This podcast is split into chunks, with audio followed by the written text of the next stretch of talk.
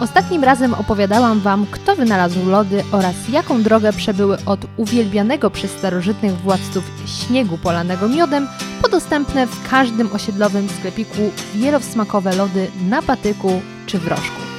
Jeśli wcześniej nie słyszeliście tej opowieści, to zachęcam Was do nadrobienia 23 odcinka podcastu Zmacznego, w którym usłyszycie wiele zaskakujących faktów. A teraz proszę zapiąć pasy, odsłonić okna i przełączyć telefony na tryb samolotowy, bo udajemy się za ocean, aby dowiedzieć się w jaki sposób lody wpłynęły na bieg historii Stanów Zjednoczonych oraz całego świata. Najciekawsze historie opowiada się przy stole. Nazywam się Małgosia Zmaczyńska i zabiorę Cię w niezwykłą podróż kulinarną. Zmacznego!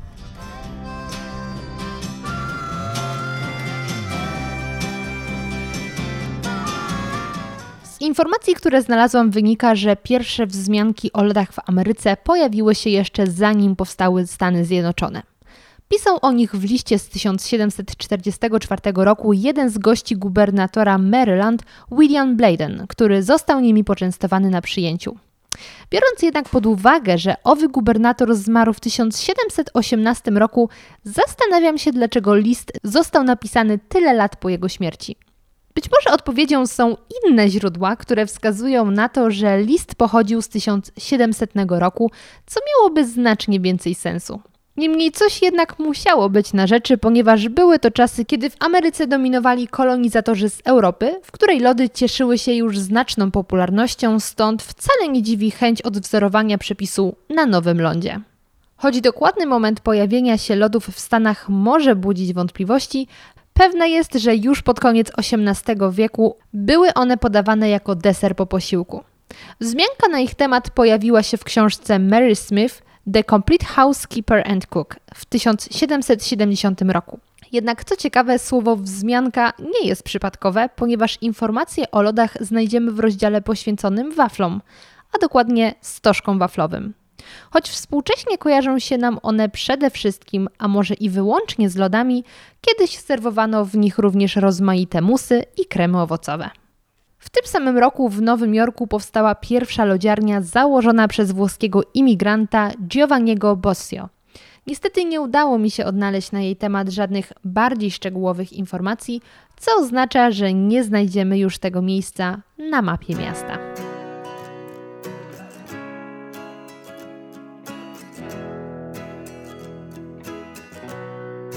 Chociaż wiele osób wciąż błędnie wierzy, że reklama to wymysł współczesności, jej korzenie sięgają równie odległych czasów co lodów. A ponieważ wiadomo, że jest ona dźwignią handlu, to w 1774 roku skorzystał z niej Filippo Lenzi, założyciel firmy cukierniczo-cateringowej, który jako pierwszy zareklamował lody publicznie. Zamieścił on w nowojorskiej gazecie ogłoszenie, które rozpoczął następującymi słowami. Właśnie przybył z Londynu Monsieur Filippo Lenzi, cukiernik, który produkuje i sprzedaje kandyzowane owoce, brandy, makarony, galaretki, drażetki, każdy rodzaj słodyczy z jęczmieniem, białym lub brązowym cukrem, produkty mrożone i owoce. Trzy lata później, 19 maja 1777 roku, w New York Gazette Mercury zamieścił on kolejne ogłoszenie, w którym podziękował swoim klientom za dotychczasowy patronat i poinformował o przeprowadzce na Hanover Square. Na koniec dodał, że lody będą tam dostępne prawie codziennie. Robiło to tym większe wrażenie, że co warte zaznaczenia, w tym czasie lody były zazwyczaj przygotowywane wyłącznie na specjalne zamówienie ograniczonej klienteli. Lody były początkowo czymś, na co mogli pozwolić sobie tylko najbogatsi. Ich produkcja wiązała się z wysokimi kosztami. Należało posiadać przynajmniej jedną krowę, której mleko lub śmietana nie byłyby na sprzedaż. Ponadto potrzebna była dość duża ilość cukru, pochodzącego z importu, a także soli, również importowanej. Wytwarzanie lodów wymagało również lodu, który musiał zostać wycięty na rzece w zimie i umieszczony w lodowatej chałupie w nadziei, że zachowa się do lata. Jednak w większości domów nie było lodowej chaty. Wreszcie robienie lodów wymagało sporych nakładów pracy, a większość rodzin nie mogła sobie pozwolić na to, by członek rodziny lub sługa zmarnowali się na tak niepoważne danie. Jak sami słyszycie, lody były smakołykiem, na którym mogli pozwolić sobie wyłącznie najzamożniejsi. Do ich grona bezsprzecznie należał najważniejszy człowiek w kraju, pierwszy prezydent Stanów Zjednoczonych, George Washington.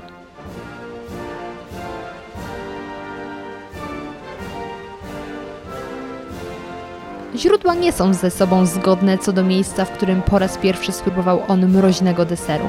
Nie ulega natomiast wątpliwości, że natychmiast podbiły one jego serce oraz kubki smakowe.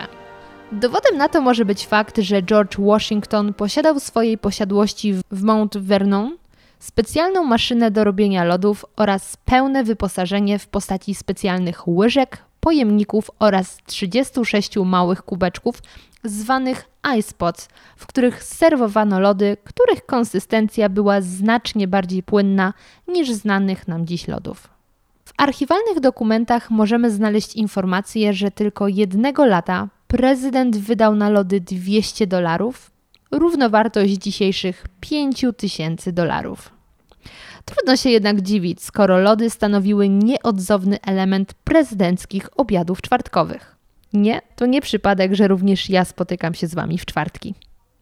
Kiedy następnym razem będziecie rozpływać się, nie, nawiązanie do zmiany stanu skupienia nie jest przypadkowe, nad smakiem Waszych lodów, pomyślcie sobie, że prawdopodobnie to właśnie nad tym deserem zapadały decyzje, które zadecydowały o przyszłości Stanów Zjednoczonych.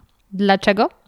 Ponieważ również trzeci prezydent Thomas Jefferson miał wielką słabość do lodów.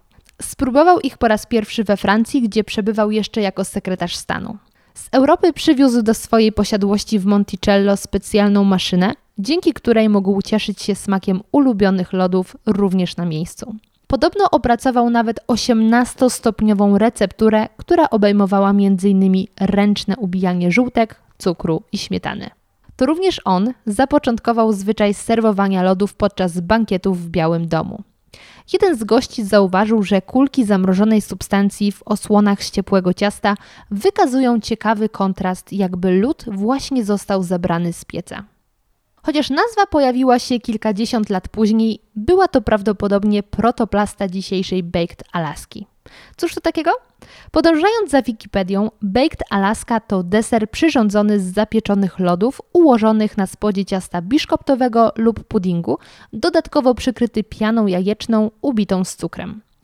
Ułożone na lodach produkty tworzą warstwę izolacyjną, chroniącą je przed roztopieniem. Zapiekanie powinno trwać bardzo krótko, jedynie tyle, ile potrzeba na ścięcie piany w bezę. Nazwa została wymyślona w nowojorskiej restauracji Del Monico w 1876 roku na cześć świeżo nabytego terytorium amerykańskiego Alaski. Lodowa tradycja w Białym Domu była kultywowana również za kadencji czwartego prezydenta Jamesa Madisona dzięki jego żonie Dolly Madison. Usłyszała ona o niezwykle popularnej w Wilmingtonie firmie cateringowej prowadzonej przez panią Jeremy Schatt, znaną również jako ciocia Sally Schatt. Była ona wyzwoloną czarną niewolnicą, która zasłynęła wśród lokalnej społeczności swoim lodowym deserem składającym się z mrożonej śmietany, cukru i owoców. Pani Madison postanowiła spróbować chwalonej przez wszystkich potrawy. Tak mocno przypadł jej do gustu, że deser ten zaserwowano na drugim balu inauguracyjnym jej męża w 1813 roku, a także stał się oficjalnym poczęstunkiem w Białym Domu. Lody te nazwano bomb glassy, ponieważ kształtem przypominały bombę. W internecie, szczególnie anglojęzycznym, znajdziemy wiele różnych przepisów na przygotowanie tego deseru. Ogólna zasada jest taka, żeby okrągłe lub półokrągłe naczynie wyłożyć na przykład folią spożywczą, a następnie utworzyć warstwę zewnętrzną, na przykład z pokruszonych ciastek, biszkoptów, bez i tym podobne, które przykryją lody. Następnie tak przygotowaną potrawę wkłada się do zamrażalnika i chłodzi przez kilka godzin.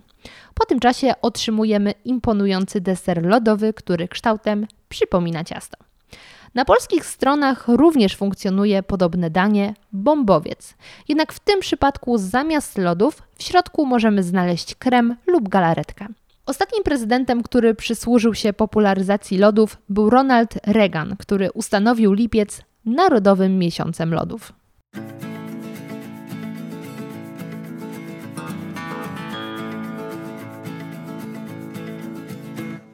Regionem w USA szczególnie mocno związanym z lodami jest Filadelfia, która już na początku XIX wieku została uznana za ich stolicę. To właśnie tam produkowano najwięcej lodów oraz prowadzono popularne lodziarnie, czyli tak zwane domy lodowe sprzedające mroźny przysmak. Również w tym rejonie narodziły się lody Philadelphia, czyli lody waniliowe bez dodatku jajek.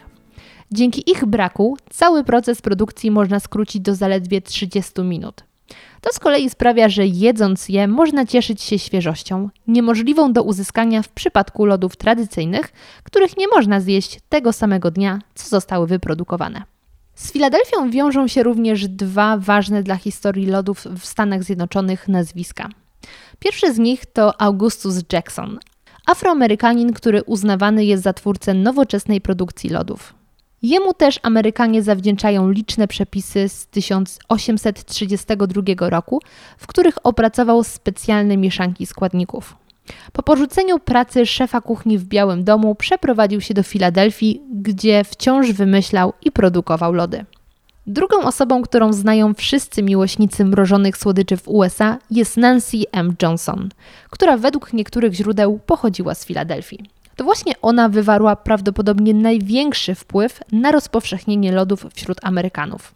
W 1840 roku złożyła patent na ręczną zamrażarkę do lodów, której podstawowa konstrukcja jest używana do dziś. Jej wynalazek znacznie uprościł cały proces i sprawił, że każdy mógł cieszyć się smakiem lodów w zaciszu swojego domu, tym bardziej, że wkrótce sól kamienna, nazywana solą lodową, stała się tanim surowcem.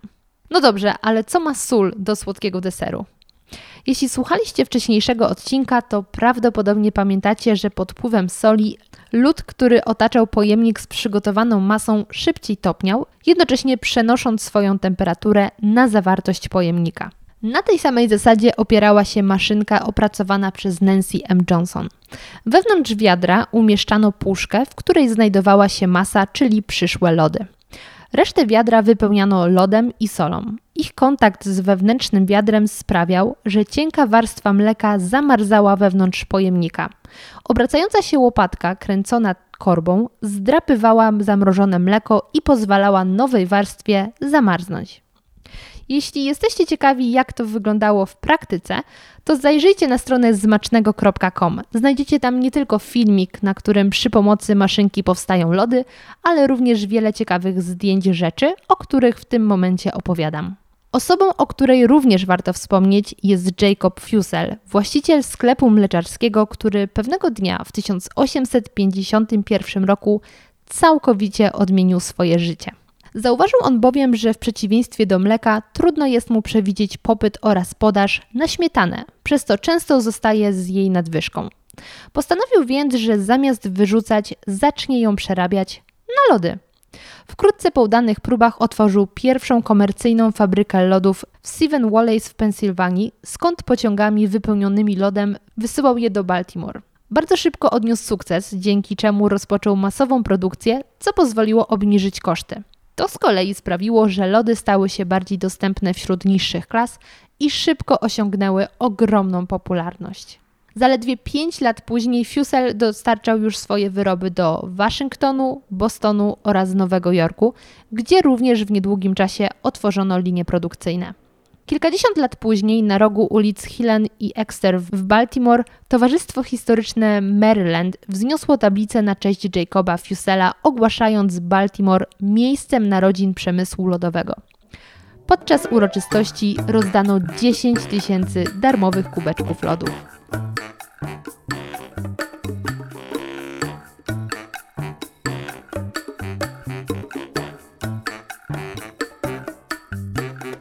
W życiu niewiele jest rzeczy stałych, jednak jest jedna, która nie zna ograniczeń miłość. A szczególnie miłość do jedzenia, o czym szczególnie mocno przekonali się Amerykanie w czasie II wojny światowej. Podczas I wojny światowej wojsko potrzebowało wystarczającej ilości jedzenia, aby walczyć, dlatego również cywile byli zmuszeni ograniczyć swoje racje żywnościowe. Produktem, który rząd uznał za nieistotny, były lody, a co za tym idzie, cukier, który trafiłby do ich produkcji, został skierowany gdzie indziej, pomimo próśb przemysłu lodziarskiego. Sytuacja zmieniła się drastycznie w ciągu następnych dwóch dekad, kiedy Amerykanie zwrócili się do lodów podczas prohibicji jako substytutu alkoholu, a następnie podczas wielkiego kryzysu jako rzadkiej, przystępnej cenowo uczty. Lody kojarzyły się im z amerykańskim stylem życia. Kiedy więc Stany Zjednoczone przystąpiły do II wojny światowej, lody ruszyły z nimi. W 1942 roku, kiedy Japończycy zestrzelili USA Lexington, drugi co do wielkości lotniskowiec w arsenale marynarki wojennej, załoga porzuciła statek, ale zanim do tego doszło, włamała się do zamrażarki i zjadła wszystkie lody. Ci, którzy przeżyli, opisują nabieranie lodów do hełmów i zlizywanie ich do czysta przed opuszczeniem się na Pacyfik. Dla każdego pilota uratowanego z wody przez niszczyciela eskorty, lotniskowce dawały mniejszym statkom nagrodę w postaci 20 galonów lodów. Prasa donosiła, że priorytetem w zakresie zamówień wojskowych były lody, słodycze, napoje bezalkoholowe, guma do rzucia i wyroby tytoniowe. Wszystkie te produkty uważano za istotne dla utrzymania morale żołnierzy. Ale to nie wszystko. W 1945 roku marynarka wojenna zleciła na zachodnim Pacyfiku budowę pierwszych na świecie pływających lodziarni.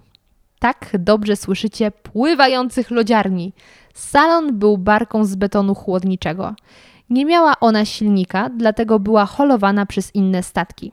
W ciągu 7 minut pływające lodziarnie były w stanie wyprodukować 10 galonów lodów, co daje jakieś 37 litrów. Ich budowa kosztowała milion dolarów. Jednak czym są pieniądze w stosunku do zadowolenia żołnierzy, którzy w czasie trwającej wojny mogli cieszyć się smakiem ukochanych łakoci? Warto jednak pamiętać, że wojna to przede wszystkim czas niedoborów i związanych z nimi ograniczeń wśród cywilów. Dlatego w czasie jej trwania rząd był zmuszony racjonować zużycie mleka i cukru używanych do produkcji lodów. Zaraz po zakończeniu wojny i zniesieniu kontroli nad spożyciem produktów mlecznych, Ameryka świętowała swoje zwycięstwo lodami. W 1946 roku Amerykanie zjedli ponad 20 litrów lodów na osobę.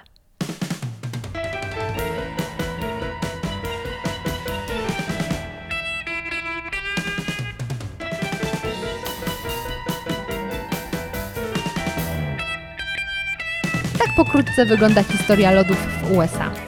No właśnie, lodów. Przyznacie, że jest to bardzo ogólne stwierdzenie, pod którym mogą mieścić się zarówno czekoladowe na patyku, miętowe w wafelku, jak i z owocami i bitą śmietaną w pucharku. Czas przyjrzeć się kilku najpopularniejszym lodom, które zawładnęły Ameryką. Pominę jednak lody sprzedawane na gałki oraz soft serve, czyli nasze włoskie, ponieważ o nich opowiadałam już we wcześniejszym odcinku. Popsicle w Polsce za ich odpowiednik możemy uznać lizaki lodowe, ale na patyku. Powstały one, jak większość wynalazków, przez przypadek. W 1905 roku 11-letni Frank Epperson wsypał do szklanki z wodą sproszkowaną orężadę i energicznie zamieszał ją drewnianym patyczkiem. W pewnym momencie coś odwróciło jego uwagę i pozostawił na ganku przygotowany przez siebie napój na całą noc. W tym czasie temperatura spadła poniżej zera, zamieniając orężadę w kawałek lodu. Następnego dnia chłopak przypomniał sobie o porzuconym napoju, lecz zamiast go wyrzucić, z pomocą drewnianego patyczka wyciągnął go z kubeczka i zaczął lizać. Zachwycony swoim wynalazkiem, szybko zaczął częstować nim swoich przyjaciół.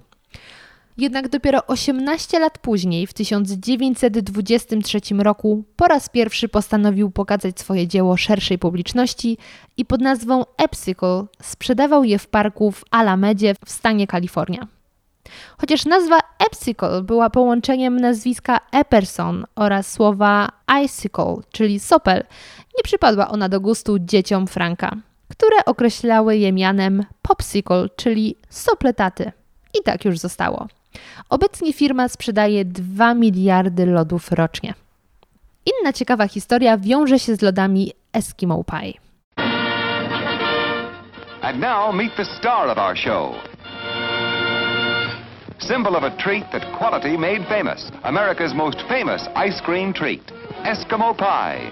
Creamy, delicious ice cream made even more exciting with smooth, rich chocolate coating and wearing the label of quality. Eskimo Pie to batonik z lodami waniliowymi w twardej czekoladzie zawinięty w folię. Ten pyszny batonik nie zostałby wymyślony, gdyby nie jeden niezdecydowany chłopiec. Christian Nelson był właścicielem małego sklepu ze słodyczami w pobliżu liceum, w którym pracował jako nauczyciel. Był rok 1920. Pewnego dnia jego sklep odwiedził mały chłopiec. Był w trakcie kupowania lodów, gdy w pewnym momencie, po dłuższej chwili zastanowienia, postanowił kupić tabliczkę czekolady. Nelson zapytał go, dlaczego nie kupił obu. Chłopiec odpowiedział: Jasne, że chcę ich obu, ale dostałem tylko 5 centów. Przez kilka tygodni po tym incydencie Nelson pracował przez całą dobę, eksperymentując z różnymi metodami, aby utrzymać stopioną czekoladę na mroźnym kremie. W końcu odkrył, że najlepszym rozwiązaniem jest masło kakaowe, które doskonale przylega. Natychmiast wyprodukował 500 sztuk lodów, które nazwał Ice Cream Bars co było naprawdę sprytną grą słów, ponieważ w tym przypadku ice cream nie było pisane jako ice cream, a I scream, czyli ja krzyczę. Lodowe batony okazały się hitem na pikniku strażackim w lokalnej wiosce, a Nelson zaczął szukać firm, które wyprodukowałyby jego nowy produkt. Rok później on i jego partner Russell Stoner, który już był odnoszącym sukcesy cukiernikiem, zgodzili się podzielić równomiernie wszelkie zyski ze sprzedaży słodyczy których nazwę zmieniono na Eskimo Pie. Po pierwszej reklamie nowego produktu w Iowa sprzedali 250 tysięcy batonów w ciągu 24 godzin. Do 1922 roku 2700 firm sprzedawało Eskimo Pie w łącznej wysokości 1 miliona dziennie. Obecnie firma przeszła w posiadanie Nestle. Historia firmy, o której chcę opowiedzieć Wam na koniec, również rozpoczęła się w 1920 roku w Youngstown w Ohio. To właśnie tam cukiernik Harry Bart stworzył polewę czekoladową, która świetnie współgrała i przylegała do lodów. Zapytana o to, jak jej smakują, córka Harego odpowiedziała, że są pyszne, ale jedząc je zbyt łatwo się ubrudzić. Syn Bartona zasugerował, aby wsadzić do lodów drewniany patyczek, który posłuży za rączkę i dopiero wtedy zamrozić. Cukiernik posłuchał jego rady i tak narodziły się lody The Good Humor. Nazwa nawiązywała do założenia, że czyjś humor bezpośrednio wiąże się z nastrojem, w jakim jest jego podniebienie. Niedługo później Barton zakupił 18 samochodów dostawczych z agregatami chłodniczymi, które zwabiały klientów charakterystyczną melodyjką. Co ciekawe, pierwsze zestawy dzwoneczków pochodziły z kołyski jego syna.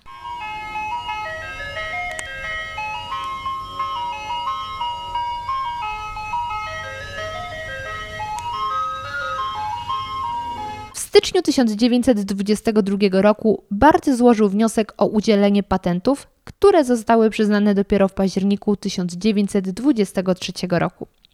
Urząd Patentowy uznał bowiem, że Good Humor są zbyt podobne do Eskimo Pie. Patent został przyznany dopiero wtedy, gdy jego syn, Bart Jr., udał się do Waszyngtonu z próbkami, aby wykazać różnicę. Przyznane patenty dotyczyły sprzętu i procesu wytwarzania lodów na patyku, ale nie samego produktu. W tym samym okresie Frank Epperson rozpoczął sprzedaż lodowych lizaków na patyku i założył Popsicle Corporation. Sześć miesięcy po tym, jak Popsicle otrzymał patent w sierpniu 1924 roku, Good Humor pozwał Popsicle Corporation, a do października 1925 roku firmy rozstrzygnęły sprawę pozasądowo. Popsicle zgodził się zapłacić Good Humor opłatę licencyjną na produkcję lodowych lizaków i sorbetów, a Good Humor zastrzegł sobie prawo do wytwarzania kremowych lodów na patyku. Harry Bart zmarł w 1926 roku, a dwa lata później wdowa po nim sprzedała swoje udziały w firmie Midland Food Product Company, której właścicielem była grupa biznesmenów z Cleveland.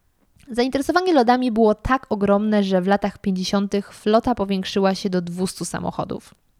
Do lat 60. w ofercie znajdowało się aż 85 różnych rodzajów łakoci.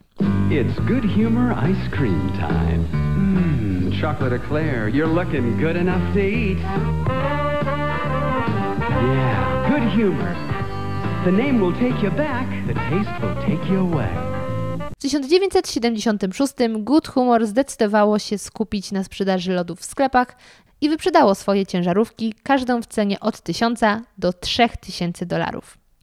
Przez lata The Good Humor kilkakrotnie zmieniało swojego właściciela, przeistaczając się z rodzinnego interesu w wielką korporację. Obecnie jej właścicielem jest firma Unilever. Ach, zapomniałabym. The Good Humor ma swojego odpowiednika w Polsce i jest nim Algida. Jednak zanim pobiegniecie do sklepu po Big Milka albo Magnuma, aby oddać hołd panu Bartonowi, warto dodać, że sprawa jest nieco bardziej skomplikowana.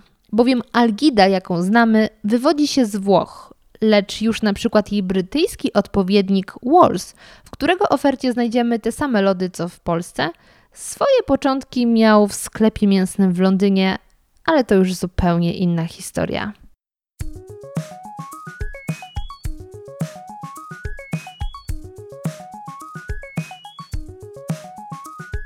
A teraz podeślijcie podcast największym lodożercom, których znacie i następnie wspólnie wybierzcie się na lody, aby uczcić ich wpływ na los świata. Jeśli macie jakiś temat około kulinarny albo produkt, o którym chcielibyście, abym opowiedziała w podcaście, napiszcie do mnie na Instagramie zmaczne.go, na Facebooku podcast radioaktywny ukośnik zmacznego lub wyślijcie maila podcastradioaktywny.gmail.com Pamiętajcie również, aby wpaść na zmacznego.com, gdzie znajdziecie wiele ilustracji rzeczy, o których opowiadałam w tym podcaście. Jeśli słuchając tego podcastu dowiedzieliście się wielu ciekawych rzeczy, a także miło spędziliście czas, to myślę, że przyznacie mi rację, że zasłużyłam na filiżankę dobrej kawy. Możecie mi ją wirtualnie postawić za pośrednictwem strony patronite.pl ukośnik zmacznego, gdzie przekazując nawet 6 zł wspieracie nie tylko podcast, ale również mnie tym, aby pojawiały się kolejne odcinki. Bardzo Wam dziękuję i do usłyszenia już niedługo.